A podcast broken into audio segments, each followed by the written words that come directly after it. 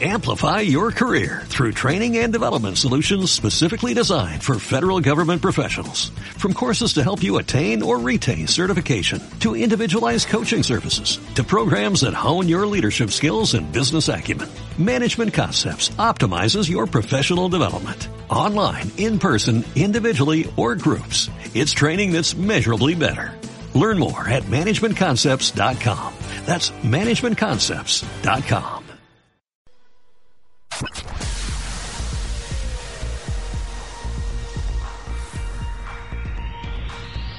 Portes obertes amb Miquel Vera.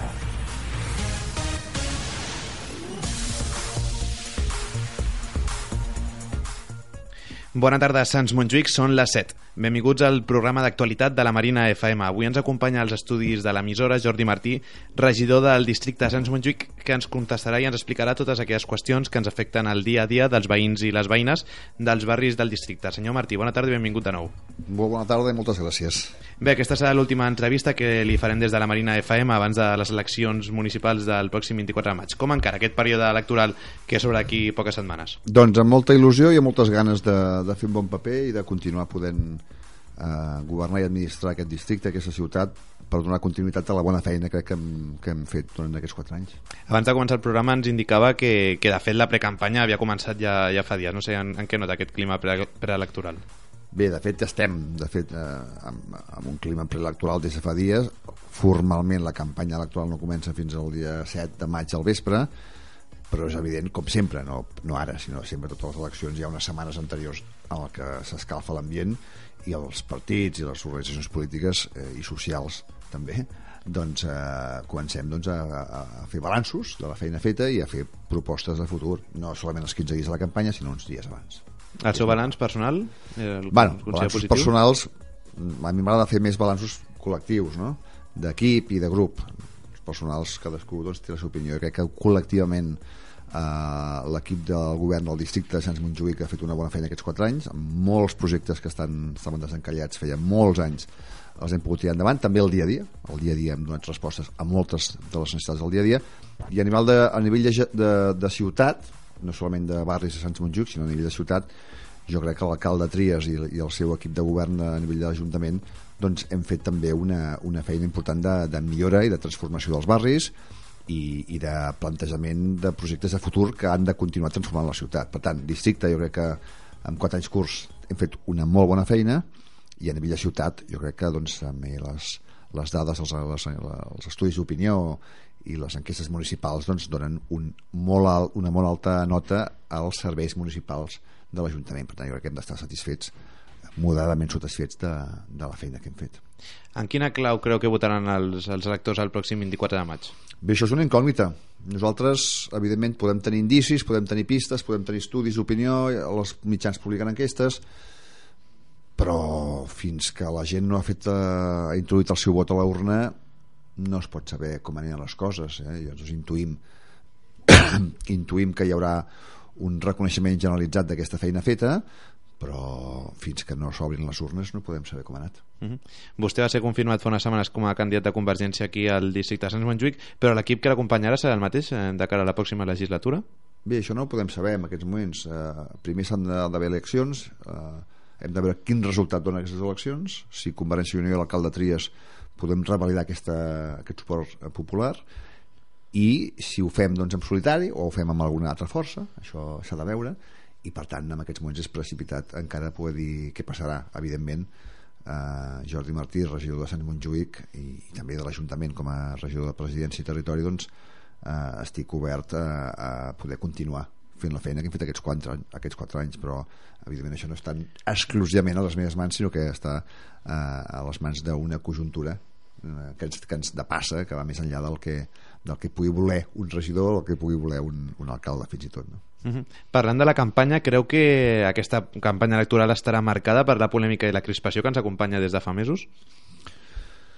Bé, les campanyes normalment hi ha una sobreexcitació. Però no sí, però tradicionalment les campanyes municipals havien sigut un pèl més tranquil·les que les nacionals o, o les estatals.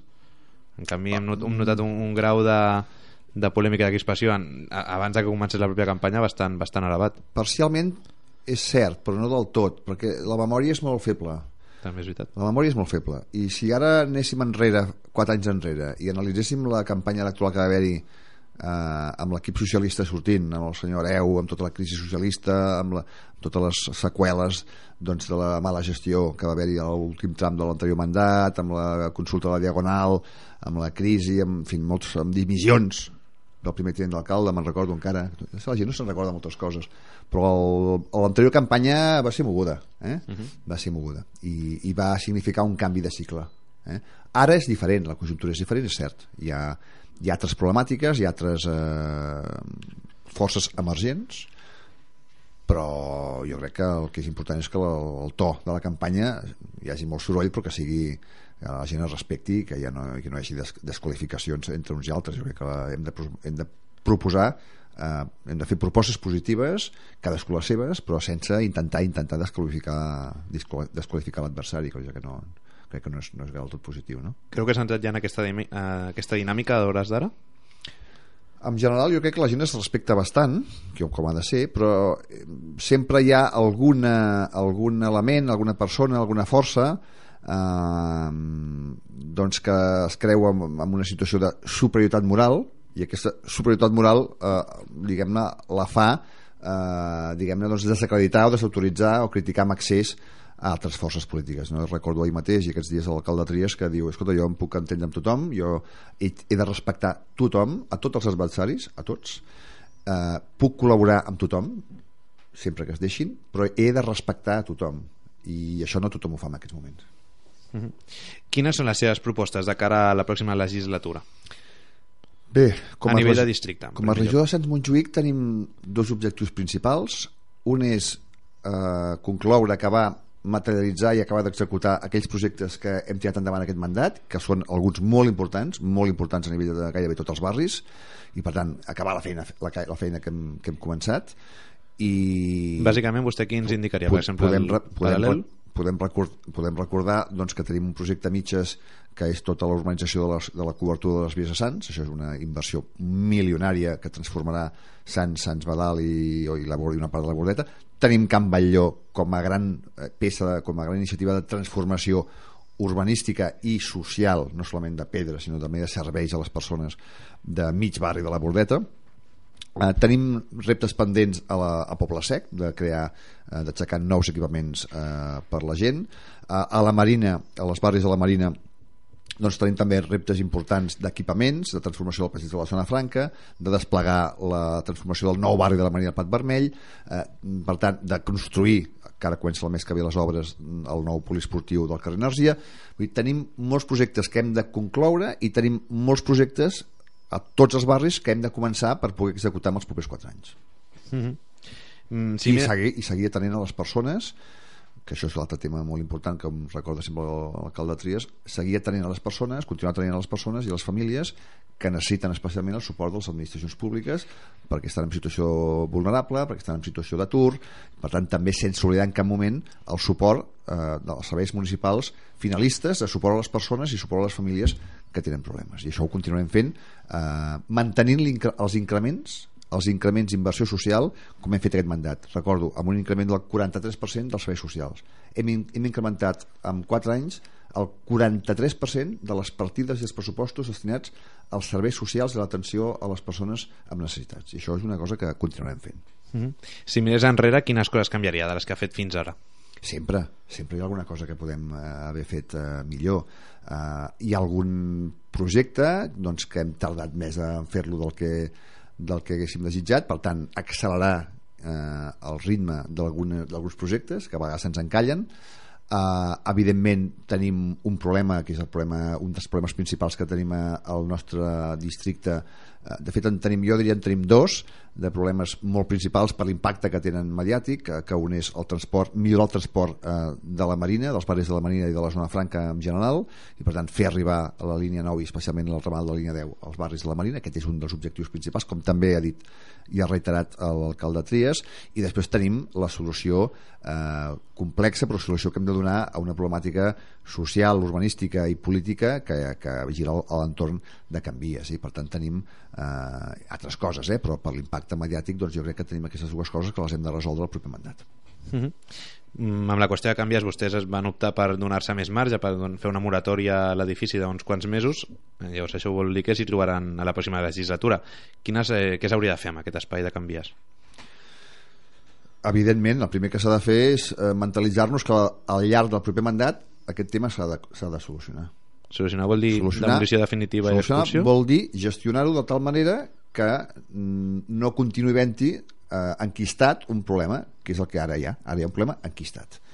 Per tant, aquesta, aquest, aquesta problemàtica s'ha de gestionar eh, i amb molt de diàleg i amb molt de consens social i polític hem d'arribar a la conclusió de que el camió que es pot fer allà és acabar d'urbanitzar tot l'entorn recordo que és un projecte eh, aprovat per unanimitat política i amb el suport d'una gran eh, part de la, del, del veïnat i també, evidentment, no puc eh, amagar-ho és intentar canalitzar i donar sortida a, a, a les necessitats associatives i d'activitats d'un conjunt de gent que poden eh, fer la seva feina, poden fer les seves activitats, però sempre i quan no hipotequin eh, ni el barri ni l'espai públic. -huh. Vostè ens indicava quins han estat les, els principals reptes que hi ha a nivell de districte per la pròxima legislatura, ens deia el transport i, i canvies, i a nivell de ciutat quins, quins identifica com a principals reptes pels pròxims 4 anys? Home, a nivell de ciutat en tenim, tenim alguns projectes molt importants que han de continuar transformant la ciutat a- en positiu.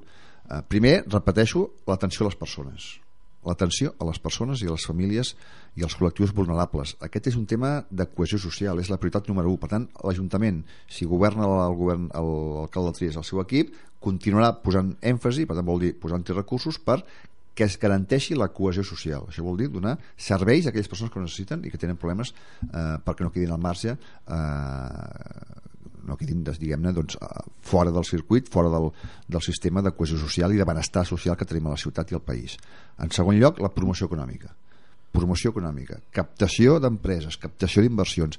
No hi haurà repartiment de riquesa ni possibles inversions públiques si prèviament no hi ha una captació d'inversions, vingui talent, vinguin recursos, vinguin empreses i creïn ocupació. Per tant, obsessió segona, creació no creació d'ocupació pública, que això, evidentment, sempre ho dic, les administracions públiques els propers anys gairebé no crearan ocupació, sinó que posar les bases i ajudar a que les empreses i els emprenedors i els autònoms puguin crear ocupació i captar inversió estrangera, que és el que estem fent. En aquests moments Barcelona és la principal capital eh, de l'Estat i de mitja Europa en quant a captació d'inversions d'empreses multinacionals i no multinacionals estrangeres eh, aquí a casa nostra uh, i després infraestructures i equipaments eh? per tant, continuar transformant l'espai públic en benefici de la gent i de l'equilibri entre la mobilitat dels, dels eh, vehicles i dels, tant de públics com privats com de les persones, per tant, ampliar l'espai ampliar l'espai públic destinat a les persones i eh, finalment crear aquells equipaments i infraestructures que necessitem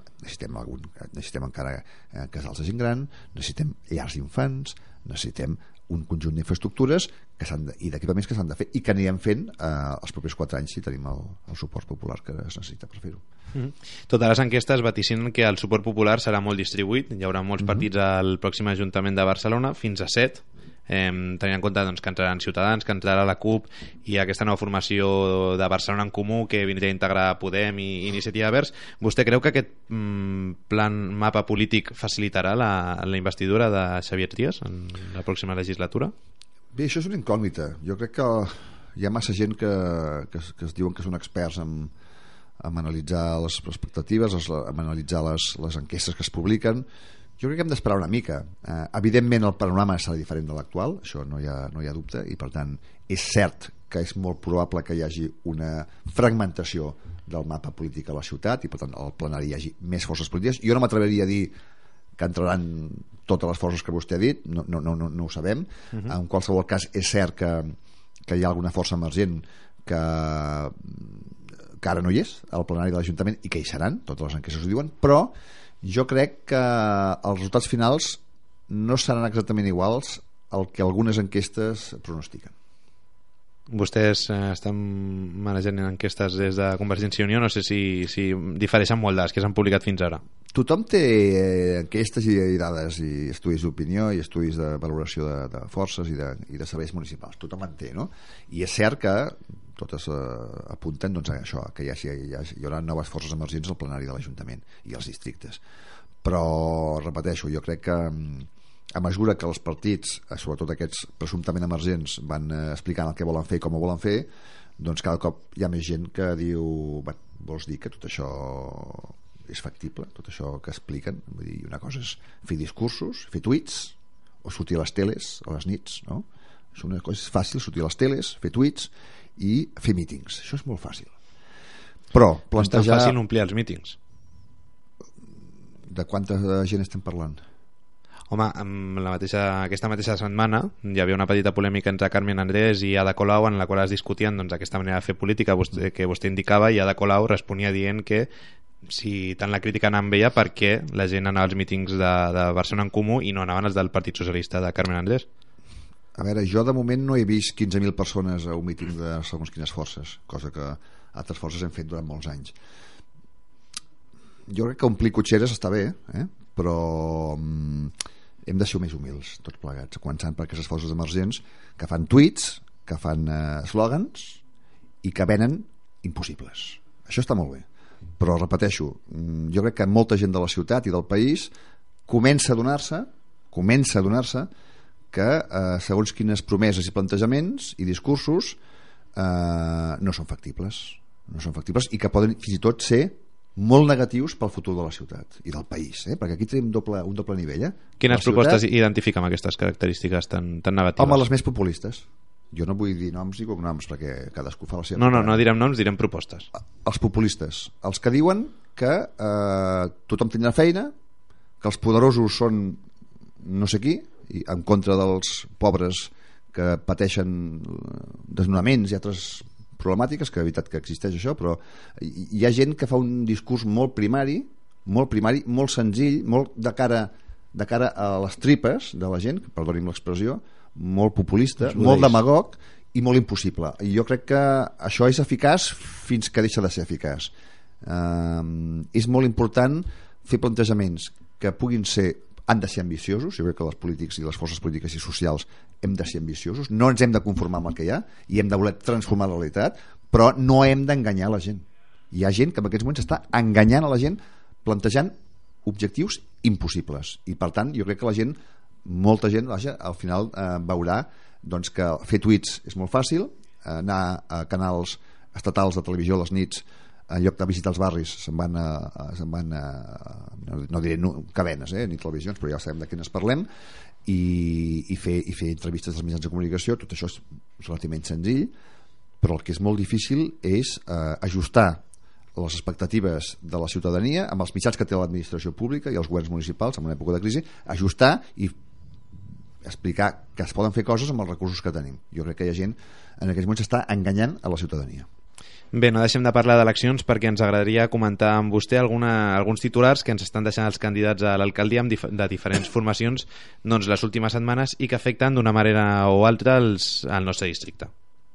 Cal fer una auditoria tècnica i econòmica per saber què és el que ha passat amb les obres de la línia 9 del metro, que ja costen set vegades més del que inicialment estava prevista, ja costen 16.000 milions d'euros i que a sobre estem pagant cada any 300 milions d'euros a les constructores per estacions que no han entrat en servei.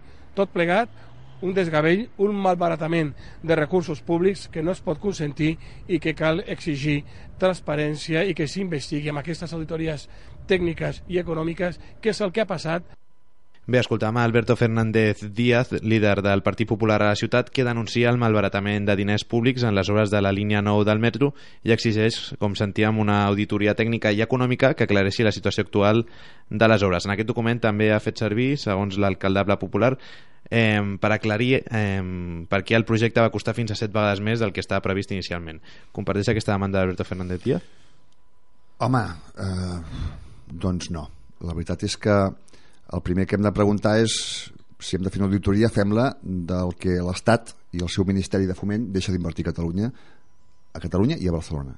Quants milers de milions d'euros deixa d'invertir l'Estat de, les, del govern espanyol i el Ministeri de Foment del Partit Popular, del senyor Fernández Díaz, a Catalunya. La senyora ministra de Foment eh, públicament ha reconegut eh, que hi ha un dèficit d'inversió del seu ministeri a Catalunya de milers de milions d'euros. Primera. Segona, el lloc on eh, demanar explicacions sobre com es pressuposten, com es executen els pressupostos de les inversions públiques de la Generalitat és el Parlament de Catalunya. I el Parlament de Catalunya jo crec que hi ha hagut abastament explicacions sobre com es gasten els pressupostos de la Generalitat en relació a les infraestructures de transport. Per tant, la informació existeix i s'ha donat al Parlament de Catalunya. Tercera, um, hauríem de preguntar al tripartit d'esquerres progressista i d'esquerres, entre cometes, que va ser el qui va provocar la desviació de la inversió des de 2.500 milions fins a més de 8 i 10.000 milions d'euros en quant a aquesta línia nou del metro de Barcelona, Barcelona i extrems metropolitans de, de Barcelona, doncs el per què ha passat això. Eh, vull, per tant, la desviació principal amb els, amb els pressupostos destinats a l'execució d'aquesta obra civil, de la línia 9 de metro, l'han d'explicar eh, doncs, el senyor Montilla, l'han d'explicar el senyor Nadal, l'han d'explicar el senyor Castells, són aquells que van provocar la ruïna econòmica de la Generalitat i eh, la desviació excessiva, i crec que, evidentment, és un fet objectiu dels pressupostos destinats a la línia 9 de metro. Però vostè creu que, que té sentit, sembla, sembla aquesta sombra de dubte sobre l'ús de diners públics en aquesta obra? Bé, en política hi ha gent que doncs, eh, té estils diferents i aquesta ombra de dubte doncs, doncs s'ha d'atribuir al senyor Fernández Díaz. Nosaltres eh, l'única cosa que fem eh, és explicar els números quan el senyor Fernández Díaz diu que hi ha que paguem la Generalitat, vaja, la Generalitat paga 300 milions gairebé, 290 milions d'euros cada any a les constructores, té raó, amb quin concepte? En concepte de cànon, per tant, en concepte de retorn a les empreses públiques que van fer la, la inversió, que van avançar els diners de la Generalitat i que se'ls ha de tornar aquest cànon de 3 milions d'euros sense que la línia funcioni i doni servei a la ciutadania. Això és, això és cert. La Generalitat paga 300 milions d'euros per no tenir un servei de metro i això d'on ve? Ve dels acords i dels sistemes de finançament del tripartit que van dir fem el sistema alemany que vol dir no tinc diners li dic a l'empresa privada que avanci els diners, que construeixi ja li pagarem un cànon de concessió i per tant això és així. Però això és un mal sistema que el senyor Vila, el conseller actual el Santi Vila, conseller de Territori i Sostenibilitat de la Generalitat ha dit que no pensa reproduir. No farem allò que va fer el tripartit per avançar la construcció de la línia 9 i la línia 10 del metro hem de buscar diners pressupostaris o d'una altra manera, però el que no farem servir és, la, és el sistema alemany fet pel tripartit que ens ha eh, provocat doncs, aquest, aquesta desviació i indirectament la ruïna de la Generalitat. Però això és un sistema similar al que fa servir la Generalitat per no pagar els lloguers de, de les seus de moltes conselleries, és a dir, venc una seu de la qual soc propietari per pagar-ne un lloguer a l'empresa que, que la compra. No, el que fa la Generalitat és vendre patrimoni. I després rellogar-lo. O no, o, o, o, llogar un altre espai la Generalitat el que necessita és liquidesa eh? perquè està arruïnada per una banda i perquè a més a més eh, el govern de l'Estat no vol revisar un sistema de finançament que és absolutament obsolet què ha de fer la Generalitat si no té liquidesa doncs lamentablement vendre's patrimoni és una de les fórmules, eh? n'hi ha d'altres vendre's patrimoni vol dir vendre's un edifici i els treballadors públics que té aquell edifici portar-los a un altre lloc i pagar lloguer és una fórmula, una fórmula això no vol dir, això no és cap sistema alemany eh? això és vendre patrimoni i pagar lloguer i estalviar-se costos eh, de, de lloguer o de, o de manteniment d'aquests edificis jo crec que és una fórmula mm, absolutament legal i que en aquests moments està forçat a fer no és que vulgui, perquè jo crec que jo si fos el conseller d'Economia de la Generalitat i m'hagués de vendre eh, edificis emblemàtics de la ciutat, com la Conselleria d'Economia de la Rama Catalunya o el Palau Robert la part de sota o altres edificis d'aquests emblemàtics que són patrimoni dels catalans, a mi em costaria molt i si ho fan per què és? Perquè no tenen més remei. Bé, escoltem un altre tall. Abans a mi quan em deien què és el que no li agrada a Barcelona jo deia la plaça de les Glòries ara si vostè em diu què és el que no m'agrada és la plaça dels Països Catalans anem de les Glòries catalanes als Països Catalans sembla una maledicció però és així no? però és veritat que això correspon a l'Estat eh? aquí sí que ens quadrem eh? Fins aquí podíem arribar perquè com ens descuidem ens trucarà a arreglar la plaça a nosaltres que jo hagi de fer coses perquè la Generalitat no arriba vale però que l'Estat no arribi no pot ser és a dir, amb les inversions que fa l'Estat com tenim la plaça dels països catalans és una vergonya Escoltam, escoltam l'alcalde Xavier Trias doncs, criticant aquesta plaça dels Països Catalans que està ben a prop d'aquí al barri de Sants. Què n'opina d'aquestes declaracions? Què puc dir? Si l'alcalde ho diu, eh, diu això amb aquesta contundència és que n'estem molt tips molt tips. Això ve de molts anys enrere eh? la plaça dels Països Catalans i els seus entorns i l'estació de Sants tot això mm, és una situació molt lamentable molt lamentable, ve de molts anys enrere. Aquest, aquest mandat hem pogut fer algunes actuacions puntuals des de l'Ajuntament de Barcelona i des del districte per de, a desentar alguns dels espais dels voltants perquè són competència municipal, però ni la plaça ni l'ampliació de l'estació ni altres actuacions corresponen a l'Ajuntament. I per tant hem reivindicat durant 3 anys al Ministeri de Foment, al Govern de l'Estat, que fes les inversions necessàries per ampliar l'estació al moment que s'ampliï l'estació, hi hagi un projecte i finançament de l'Estat per ampliar l'estació de, de, de, de tren de Sants, aleshores es podrà rehabilitar la plaça, pròpiament el que és la pell i, la, i el mobiliari i la infraestructura de la plaça, i podrem adequar les inversions de l'Ajuntament als voltants de la, de, de, la, de la plaça. El que no podem fer és fer actuacions nosaltres pel nostre compte que no ens competen i després al cap de quatre dies tornar a, a invertir perquè ens ho han aixecat tots els del Ministeri de Foment. Per tant, nosaltres en aquests moments és cert, l'alcalde té aquesta queixa i la verbalitza, també és veritat que amb el Ministeri de Foment estem en negociacions ja fa més d'un any perquè ens presentin un projecte d'ampliació de l'estació i de rehabilitació dels entorns que anirien repartits les despeses entre l'Estat, la Generalitat i l'Ajuntament. Però l'estació és de l'IF, és del Ministeri de Foment, és de l'Estat i l'han de fer ells.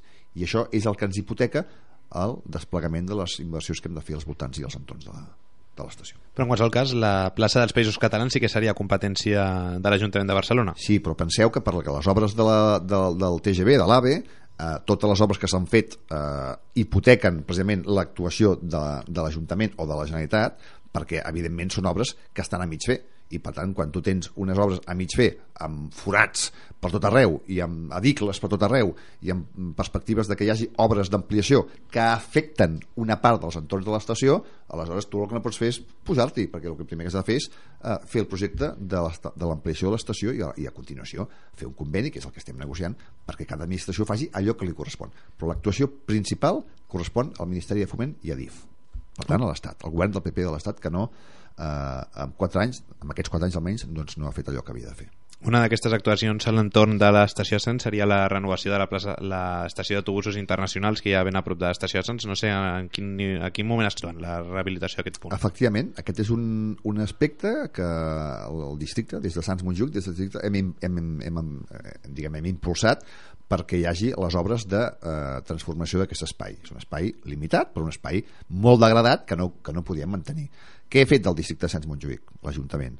El que he fet és instar a la Generalitat, que és qui té la concessió a les empreses transportistes, instar a arribar a un conveni perquè les empreses, l'empresa que, port, que té la concessió dels transports, de les línies d'autobusos, i l'Ajuntament puguem fer unes obres d'acondicionament i, de, i descentar aquest espai. Ara estan en plenes obres, eh, jo calculo que a la nova estació d'autobusos eh, les obres d'acabament d'aquesta nova estació d'autobusos estaran fetes a finals de maig, començaments de juny, però no estan fetes. Per tant, tindrem un espai renovat, amb millors condicions no solament pels usuaris dels autobusos, sinó també pels veïns dels entorns, eh? amb més il·luminació, amb més neteja, amb, amb, amb voreres més noves, renovades, amb paviment renovat, amb vorera urbà, amb nous lavabos, tot això és el que estem fent ara eh? i això sí que ha sigut una feina que ha fet el districte de Sants Montjuïc o sigui, nosaltres, d'acord amb la Generalitat i especialment amb l'inversió tant del districte com d'inversió de l'empresa que té la concessió de les, dels autobusos per tant, una feina de, de col·laboració eh, públic-privat en benefici de l'espai públic.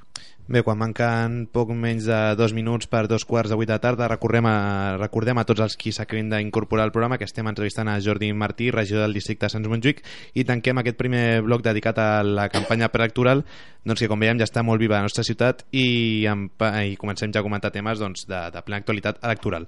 Bé, passem a parlar d'una altra qüestió, ja que aquest mateix dilluns coneixíem la convocatòria del Pla Buits per posar a disposició de les entitats sense ànim de lucre 11 cel·lulars buits a tota la ciutat. Una convocatòria que a l'any 2015 se li sumen 12 espais urbans que estan en desús i que des de fa més d'un any i mig gestionen diverses entitats veïnals donant-los un ús eh, social i comunitari.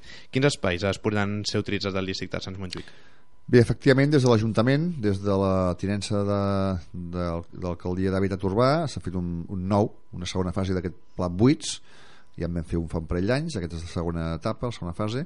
Eh, nosaltres hem, des del districte hem proposat, d'acord també doncs, amb entitats veïnals i, i entitats socials, hem proposat eh, dues peces, du, dos, du, dos solars que en aquests moments estan inutilitzats, i que puguin ser incorporats, i de fet ja han estat incorporats en la, en la convocatòria de ciutat. Un és el Poble Sec, eh, el, el carrer Concòrdia del Poble Sec, que és un espai solar doncs, que ja d'alguna vegada ja hi ha activitats però s'ha de eh, diguem oficialitzar i després el, aquí al barri de Sants també al carrer Rosés també hi ha un solar que fa molts i molts anys que està tancat i, i és un solar molt gran i hem, els hem posat a, els dos de titular municipal i els hem posat amb aquest pla 8 aquest pla 8 vol dir que de nou doncs, hi haurà un concurs, una convocatòria i es hauran de presentar projectes d'entitats veïnals perquè puguin, eh, puguin gestionar aquests espais eh? com deies tu doncs, amb, amb voluntat doncs, de, de, de que hi hagi projectes socials, cooperatius, comunitaris eh, sostenibles i això vol dir que l'Ajuntament fa una inversió per adequar aquests espais i fa una inversió per posar-hi, garantir els, eh, els recursos, doncs en aquest cas doncs, si hi ha aigua, electricitat, en fi, eh, consums d'aquest tipus. Eh? I doncs, l'entitat que guanya el concurs serà la que gestionarà aquell espai amb els projectes que hagi presentat a l'Ajuntament de Barcelona. Jo crec que és important perquè anem posant en valor espais degradats, espais mig abandonats, de manera provisional, eh? repeteixo, això són, són projectes eh, provisionals a un, dos, tres anys vista, mentre no s'executen els plans urbanístics que afecten a, a aquells solars. Mm. Però jo crec que és important no tenir espais tancats, mig abandonats, on pugui haver-hi problemes de mals usos, de, de brutícia, etc etc. No s'ha pensat mai en donar usos privats a aquests eh, espais, on, per exemple, a terrasses de bars, per exemple? No, no, no. no. Nosaltres a l'espai públic no el privatitzem. Eh? No el privatitzem. L'espai públic és eh, per ús públic eh? i per tant nosaltres el que fem és que quan fem les bases d'aquesta convocatòria el que fem és dir senyors eh, entitats de la ciutat, dels barris, dels districtes entitats sense ànim de lucre presentin projectes per fer activitats per ús públic, comunitari i sense ànim de lucre eh? per tant aquí no es privatitza res. Passem ara a parlar de l'atur, ja que la demarcació de Barcelona han registrat dades més positives que l'any passat, segons l'enquesta de població activa que elabora l'Institut Nacional d'Estadística. La demarcació enregistra 63.700 desocupats menys que el mateix període de l'any anterior i 2.900 menys que el trimestre passat. La taxa d'atur se situa en el 19,58%, una xifra per sota de la mitjana a Catalunya que és lleugerament superior al 20%. No sé quina valoració fa d'aquestes dades i si disposa de dades del districte de Sants Montjuïc. Sí, tenim dades tant de, de ciutat com de districte. La veritat és que encara estem en una situació, com diu el mateix alcalde Trias sovint, i ell mateix ho va recordar, situacions intolerables d'atur. Eh? No pot ser que tinguem a la ciutat de Barcelona doncs, 100.000, en aquest cas estem per sota dels 100.000, però bueno, 99.000 aturats a la ciutat. No? Són xifres que no són sostenibles. Eh? No ens podem conformar, tot i que hi ha hagut una reducció de l'atur. I per tant, nosaltres en aquest moment podem dir eh, estem moderadament satisfets perquè la tendència és la de la reducció de l'atur. Tenim en aquests moments eh, un, en termes interanuals eh, si comparem març 2014 a març 2015 doncs 8.000 persones que estan treballant que abans estaven a l'atur. No, no està malament, ara no ens podem conformar amb això.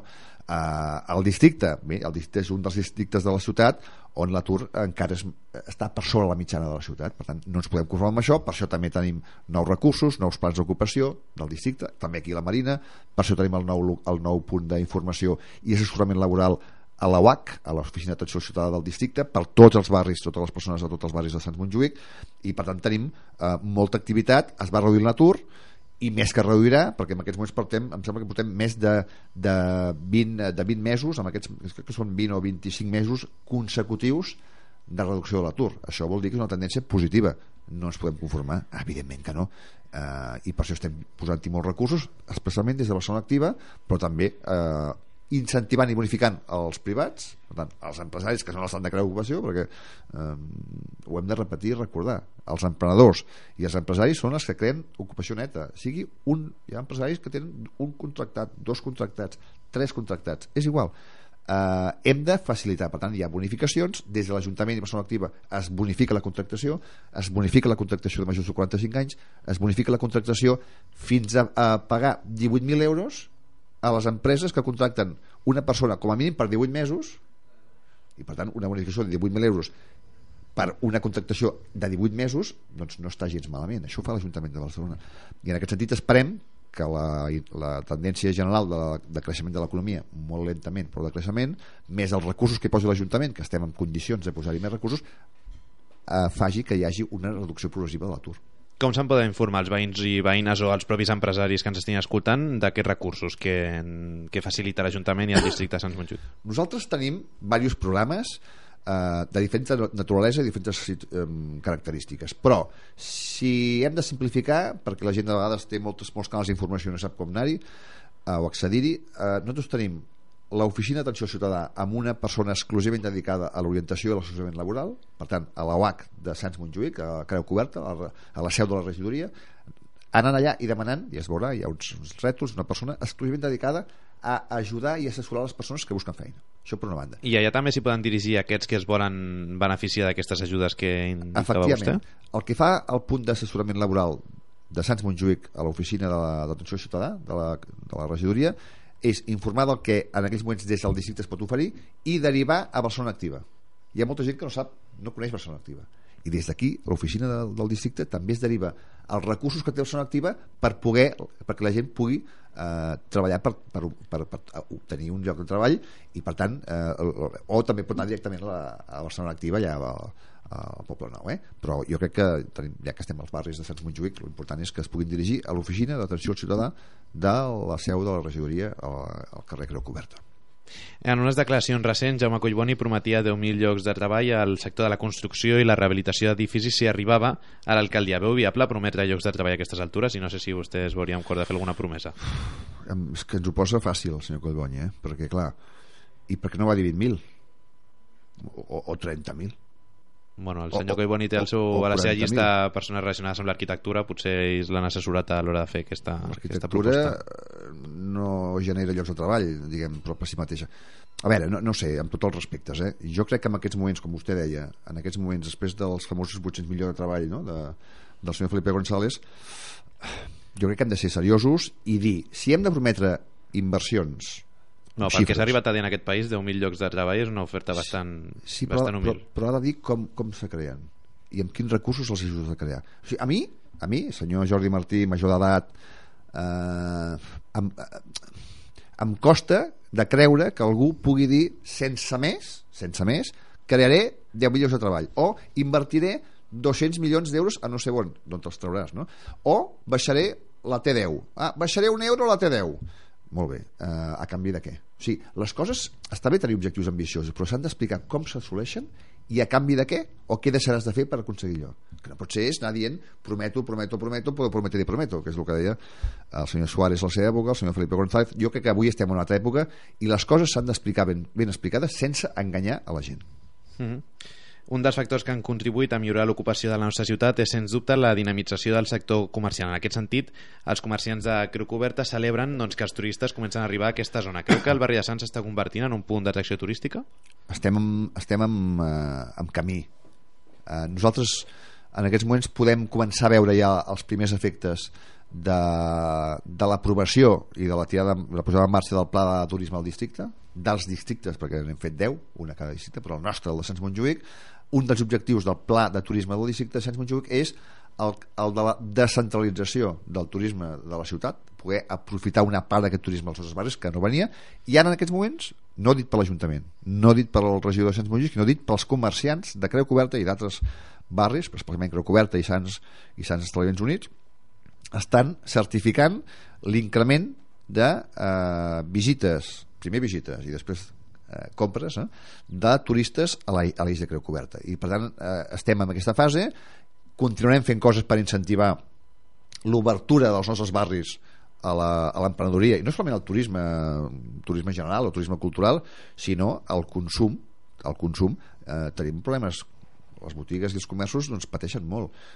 Doncs hem de fer venir eh, usuaris, compradors siguin de Barcelona, siguin dels nostres barris o siguin turistes i en aquest sentit estem aconseguint els primers efectes positius no per l'Ajuntament ni per la ciutat per les persones que tenen negocis i que viuen dels seus eh, clients, siguin catalans, siguin eh, espanyols, europeus o, o on siguin. Jo crec que és molt important que siguin els petits comerciants els que estiguin reconeixent doncs, que comença a dinamitzar-se el comerç eh, gràcies a la, a la vinguda de turistes que venen de la plaça Espanya i que no es queden a la plaça Espanya sinó que venen i també es venen cap als nostres barris. Mm -hmm. eh, Una de les iniciatives que, que poden dinamitzar encara més aquest sector mm, turístic i comercial de la zona de Creu Coberta seria el nou centre d'informació turística doncs, que, que s'hi pot instal·lar. No sé com, si ens pot explicar com va néixer aquesta iniciativa. Sí, això és una iniciativa més una, una cosa molt humil però, però, però també molt positiva. Nosaltres tenim un solar un solar que està afectat i que s'ha de eh, diguem, transformar quan hi hagi l'obertura del carrer de Diputació. Però aquest solar està allà, està abandonat. Doncs què fem? nosaltres conveniem amb l'associació de comerciants que aquell solar, amb una petitíssima inversió nostra i també dels comerciants es pugui convertir en un punt d'informació comercial i turística. I de serveis als, als veïns també. I d'activitat cultural per les entitats del barri per tant, mentre aquell solar no estigui executat urbanísticament, no hi hagi el pla executat, doncs el que fem és posar en valor i que hi hagi activitat i que això ajudi a que la gent que travessa a Espanya i entra al nostre districte pugui dir, ostres tu, aquí a Sant Montjuïc tenim coses molt maques per veure a part de Montjuïc com a muntanya eh? doncs tenim Sants, tenim la Marina tenim el eh, Poble Sec i allà és un punt d'informació de les coses que tenim no solament des del punt de vista comercial i turístic sinó també cultural i d'activitat que es pot fer al, al carrer no? Uh -huh.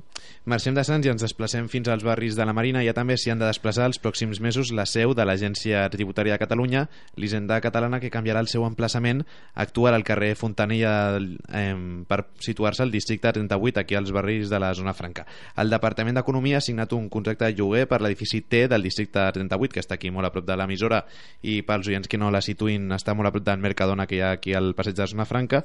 Doncs eh, serà un contracte de 10 anys i que es podrà allargar i el canvi ha estat rebut amb intenses crítiques per part dels funcionaris de l'agència tributària que es mostren indignats amb la manca de transport públic que, que hi ha per arribar al seu nou lloc de treball. Bé, primer de tot, eh, encara està per determinar la ubicació de... Aquí la... està clar que serà aquí a la Marina i a la zona franca, però no, no? almenys no tinc la, aquesta confirmació d'aquest espai concret eh? però vaja, és igual, si no és aquest eh... podríem citar a Barcelona Televisió que és qui, qui... Jo, jo personalment no, no, puc, no, no puc confirmar-ho el que sí que és cert és que hi ha la voluntat explícita de la Generalitat no solament de l'Agència Tributària Catalana sinó de, del Departament d'Economia i Empresa perdó, d'Economia i, eh, de, de, de, i Universitats sí, bueno, el Departament d'Economia eh, Agència Tributària el Departament d'Empresa i Ocupació i el Departament d'Agricultura, Ramaderia, Pesca i Medi Natural. Aquestes quatre conselleries o òrgans de la Generalitat estan previstos que s'instal·lin en diferents espais i edificis d'oficines de la zona franca, del de la, dels entorns de la zona franca. No em feu dir ara del, del, de l'edifici aquest 38, però en qualsevol cas als entorns. Jo crec que això és una bona notícia.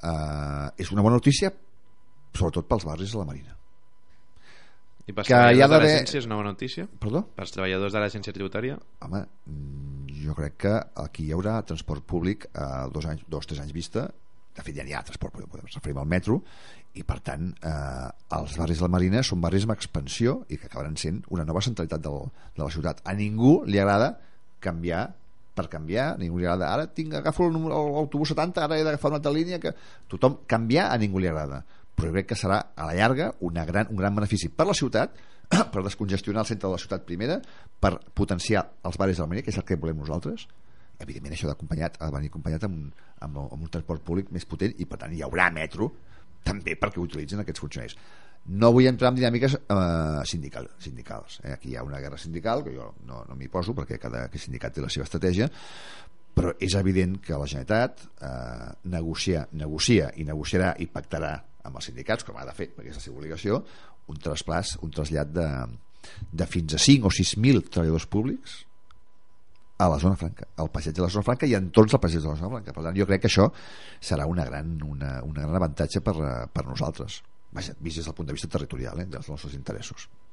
Bé, fem ara una molt breu, breu pausa per la publicitat i tot seguit tornem aquí al Portes Obertes de la Marina FM. Seguim entrevistant el regidor del districte Sant Montjuïc aquí al Portes Obertes. Portes Obertes. Tota l'actualitat del districte a la Marina FM.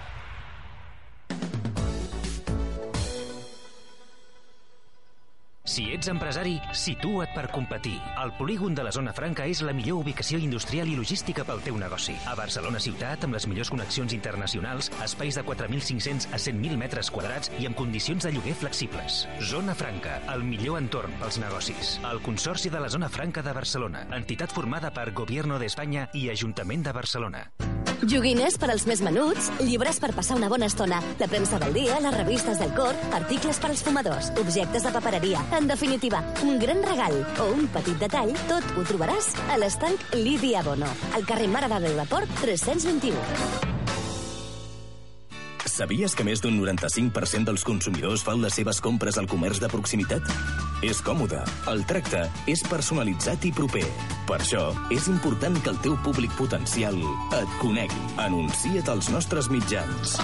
La Marina FM, Diari La Marina i lamarinadigital.cat. Contacta amb el nostre departament comercial 93 296 5007 93 296 5007 Arriba més lluny.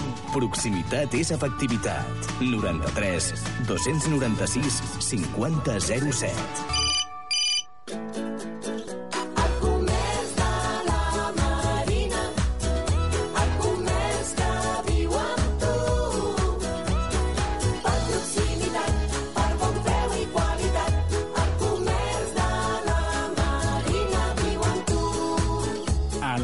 fem vermut. Tots els dissabtes i diumenges de 12 a 2 del migdia fins al 9 de maig. Tapa més vermut, 2 amb 95 euros. I a més, sortejarem una tauleta electrònica al 9 de maig entre els clients que passin la ruta completa. Consulta els bars que hi participen al nostre web www.comerciantslamarina.cat.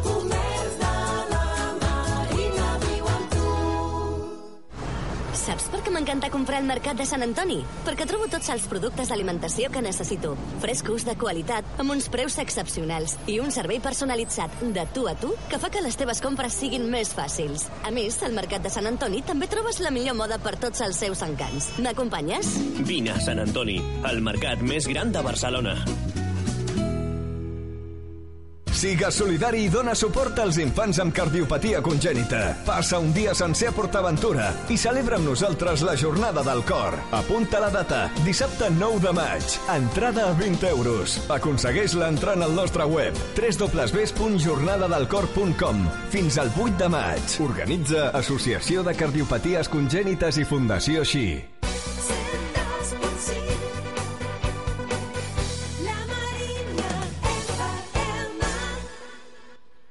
Avui, al Portes Obertes, el regidor respon. Bé, ja som aquí de nou al Portes Obertes de la Marina FM.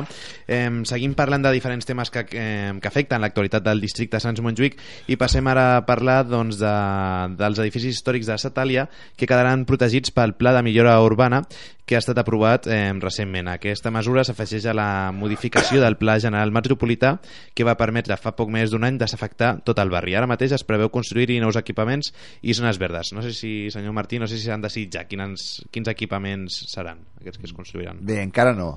Encara no, però pas a pas. El primer que vam fer va ser l'aprovació la, de la modificació del PGM, de la muntanya de Montjuïc, que incorporava com una de les mesures estrella d'aquest govern que vam prometre abans de les eleccions i ho hem complert, era la desafectació del barri de la Satalia. Primera objectiu, primer compromís, a complert. Una vegada s'ha modificat el PGM de la muntanya Montjuïc i s'ha desafectat el barri de la Satalia, que era una petició hístorica dels veïns i les entitats del poble sec i de la Satalia, la segona fase que hem impulsat i ja s'ha fiat endavant i s'ha aprovat és l'aprovació la, la, del PMU, l'aprovació del Pla de Millora Urbana. Què vol dir això? És la concreció de la de desafectació. Tu desafectes, bueno, molt bé, està tot desafectat. Ara vol dir, què hi farem aquí, un cop s'ha desafectat? Bé, doncs hi ha una intervenció de l'Ajuntament i una intervenció dels privats.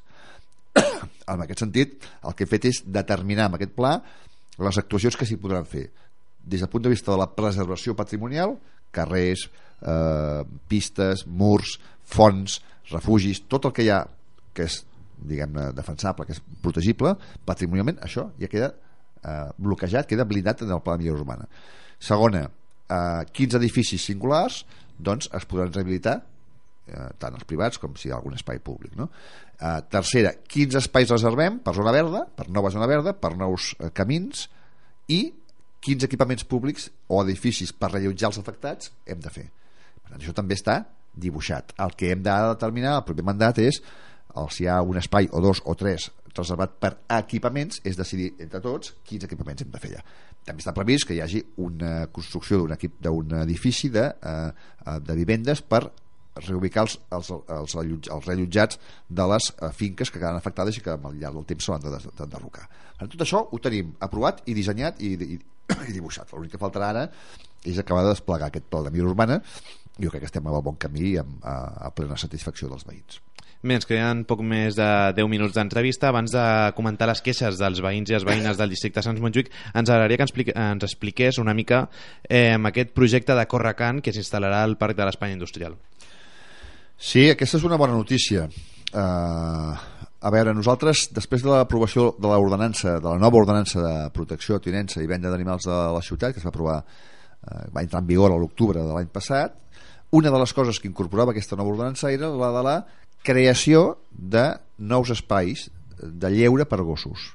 Sabent que tenim, teníem des que es va aprovar l'ordenança 18 mesos per regular això eh? per tant nosaltres el que hem fet és dibuixar a tots els districtes de Barcelona un conjunt d'espais que transformarem en espais de lleure de gossos que són al voltant d'uns 700 metres no tots igual. El d'aquí de l'espai industrial serà de 700 metres quadrats. Uns espais dedicats exclusivament a que els gossos puguin anar lliurement que, es pugui, que puguin córrer, que es puguin socialitzar i que siguin espais exclusius per ells amb mobiliari especial per a les persones i els seus, els seus gossos i per tant que no facin malbé no facin malbé els espais de tots que és el que passa a l'espai industrial que els gossos, alguns gossos alguns propietaris no tenen prou cura i acaben fent malbé tota la, tota la zona verda del parc. D'aquesta manera tindrem un espai de 106 metres amb tanques de metro 80 perquè els gossos no puguin saltar i allà puguin eh, córrer i socialitzar-se, cosa que és molt necessària perquè evidentment ens falten, ens falten espais a la ciutat.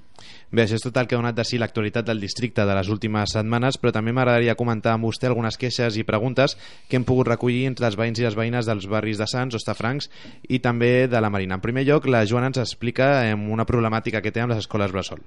Hola, bona tarda, sóc una veïna del barri de Sants i bueno, principalment la nostra queixa quan som mares i pares joves és que els nostres fills no tenen plaça d'escola bressol pública.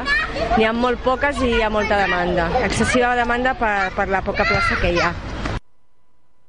Té raó, falten places, no encara no hem arribat a cobrir el 100% de, les, de la demanda. Hem passat, hem incrementat la resposta de l'Ajuntament, en aquests moments hi ha em sembla que són al voltant d'un 60 o un 65% de cobertura de la demanda eh?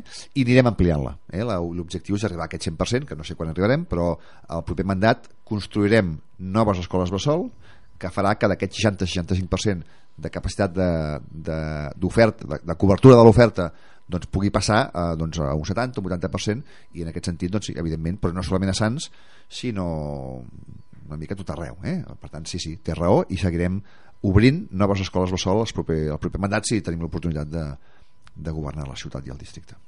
Escoltem la segona queixa, que és de la veïna anomenada Patrícia, que té queixes sobre el soroll aquí al seu carrer, al carrer Jocs Florals.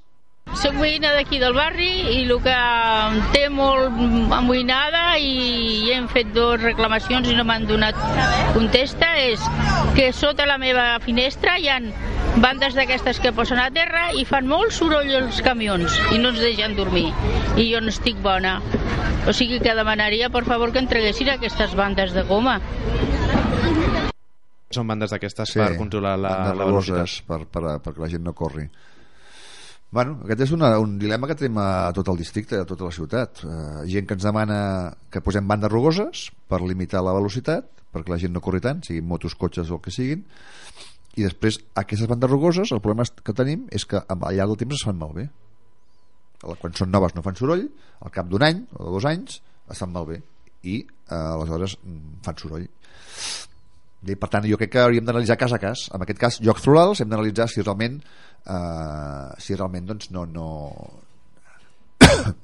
els hem de treure o simplement els hem de substituir per uns de nous. I això tècnicament doncs ho he de preguntar. Si ens feu arribar la, la queixa, jo ho, faré, ho passaré a la gent de mobilitat i de Guàrdia Urbana perquè ens diguin realment si és un tema de substitució de la banda rugosa, que ho hem de fer molt sovint, o simplement de pensar de que si hem d'anul·lar-ho i les hem de treure perquè no té justificació. Això jo de memòria en aquests moments no, no sé, no li sabria dir. Ho hem de preguntar i, i analitzar si es pot fer.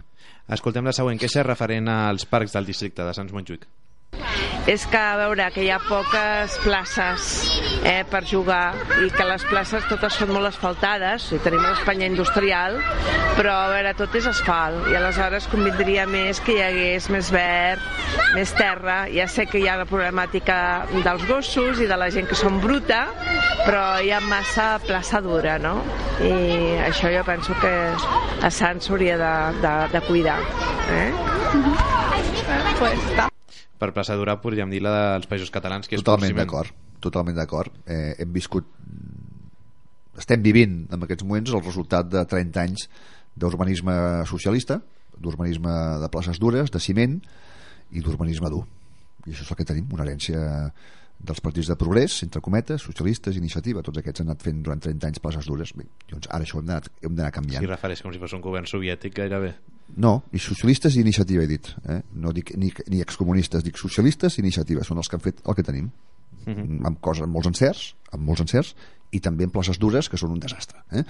Uh, això ho estem canviant. Uh, ho estem canviant. Uh, per exemple, a Sants Montjuïc, doncs farem ara, el mes que ve, comencen les, les obres de la plaça de Can Mantega ple centre del barri de Sants. Doncs aquesta plaça de Can Mantega la farem més verda. Ampliarem l'espai verd per gaudi de la gent. Eh? Uh, hem de fer més transformacions. No totes les places poden ser transformades en verd, perquè hi ha places com per exemple la Joan Pelegrí, que a sota hi ha un pàrquing i per tant no pots, ser, no pots plantar arbres però és veritat, anirem, anirem ampliant la, les places uh, Treig Manelles de Poble Sec, doncs també ampliarem el verd àmpliament. Totes les intervencions que està fent aquest Ajuntament, tant al districte com a la ciutat, totes estan basades en, en l'ampliació de voreres i en l'ampliació de verd, de verd urbà, no el terra només, terra, façanes i terrats. Verd, verd, verd, aquesta és l'obsessió de, de la, del govern de l'alcalde Trias i que ho hem fet i que ho continuarem fent i, i bé, però aquesta senyora té raó aquesta senyora té raó, hem, hem viscut 30 anys de, de, de, falera, de falera del ciment eh? I, i bé, ens toca a alguns doncs, revertir aquesta situació aquesta mateixa veïna també es queixa de la falta de places d'escola pública al barri de Sants o sigui que es nota molt les retallades en educació, perquè aleshores hi ha molts nens per les escoles públiques bones del barri, que són poques, i aleshores, a veure, es prioritza doncs els immigrants, les monoparentals, els, eh, o sigui, els, els nens amb necessitats educatives, que jo també trobo que és normal, però vull dir, aleshores els exalumnes només hi ha una plaça per, per, eh, per, per eh, quan han fet tota la selecció només ha pogut entrar de 23 pares exalumnes que tenen fills només ha pogut entrar una i això penso que és important també o sigui, més escoles, no tantes retallades i millorar molt més l'educació en tots els aspectes Bé, més enllà de qüestions que queden en mans del Departament d'Educació, què, què em podria dir sobre aquestes escoles que hi ha al districte? En general, les escoles que tenim al districte, eh, jo dic totes, eh, tant les públiques com les concertades, jo crec que tenim un bon nivell escolar. Eh? Um, he de precisar, eh, té, té raó la senyora, que necessitem més escoles, eh? això no, no, no, no, no diré pas que no tingués raó, necessitem més i millors escoles, això el primer que he de dir. Ara, he de precisar que eh, pel que fa a l'Ajuntament de Barcelona i per tant al govern de l'alcalde Trias nosaltres no hem retallat ni un euro les retallades no s'han fet a l'Ajuntament de Barcelona si hi ha hagut retallades han estat eh, per altres administracions eh?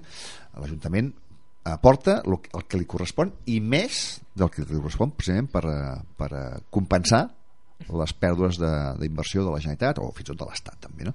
dit això, home, nosaltres tenim, estem fent escoles fins i tot l'Ajuntament està construint escoles cosa que no és la nostra competència ni la nostra obligació però ho estem fent perquè la Generalitat no pot avancem els diners, construïm l'escola mediterrània a la Barceloneta, construïm altres escoles després ja ens ho torna, o a través del lloguer o a través d'un conveni que ens tornen els diners l'Ajuntament està invertint en escola pública i sense, que no ens correspon eh, el que és primària i secundària a part de complir amb, la, amb el que és el 03 que aquesta sí que és competència municipal eh? per tant, sí, té raó i continuarem fent més escoles a la ciutat de Barcelona amb la fórmula que sigui eh? Uh, i demanant a la Generalitat que ho faci que és la seva competència i fent allò que la Generalitat no pot fer en benefici del... Què hem de fer? Perquè la Generalitat no pot construir una escola permetre que hi hagi barracons durant un, dos, tres, quatre, cinc anys. Nosaltres no volem barracons a Barcelona.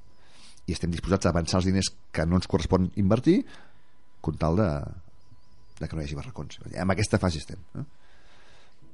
Hola, sóc una veïna de la Farga i bueno, em trobo que molts caps de setmana a les nits eh, passa molta gent cridant i com els carrers són molt estrets i estan apartats, fa molt d'eco i no es pot dormir. Llavors, eh, què és el que he de fer? He de trucar a la Guàrdia Urbana o com he d'actuar davant d'això? Bé, aquesta veïna mostra una miqueta d'impotència molt breument, ens queden poc més de dos minuts per, per acabar el programa. Què, què hauria de fer aquesta veïna de la plaça de la Farga?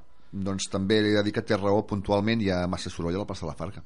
Tinc queixes de veïns de la plaça de la Farga, jo eh, porto parlant amb, amb el districte, amb els meus de l'equip tècnic, amb agents cívics, amb el tècnic de barri, amb l'intendent de la Guàrdia Urbana per demanar més intervenció a la plaça de la Farga, hi ha alguns grups de gent que fan més soroll del que correspon i per tant el que ha de fer és trucar a la Guàrdia Urbana Diu, no, és que no venen sempre. D'acord, la Guàrdia Urbana no ve, no atén totes les trucades d'emergència, perquè prioritzen. Però s'ha de trucar a la Guàrdia Urbana perquè és la manera que el regidor sàpiga quantes queixes hi ha d'un tema, d'una zona, d'un carrer, d'una plaça, per poder canviar les tendències. Bé, sentim ja els senyors horaris de les 8. Senyor regidor, no tenim temps per més. Gràcies per acompanyar-nos un mes més al Portes Obertes de la Marina FM i precisament avui que era el dia del seu aniversari. Doncs moltes gràcies, sí, sí, avui celebro el meu aniversari, sí. Moltes gràcies per, per atendre. Nosaltres ens acomiadem eh, dels nostres oients. Una forta salutació de tots els que han fet possible aquest espai. L'Andrea Pérez a les vies de sol, la Carla Genís a la producció i qui us ha parlat, Miquel Vera. Bona tarda i bon cap de setmana. Portes obertes. Tota l'actualitat del districte a la Marina FM.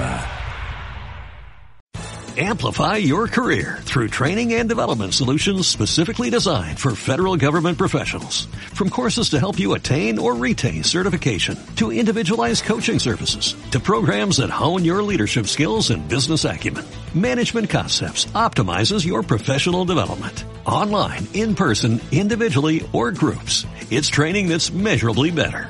Learn more at managementconcepts.com. That's managementconcepts.com.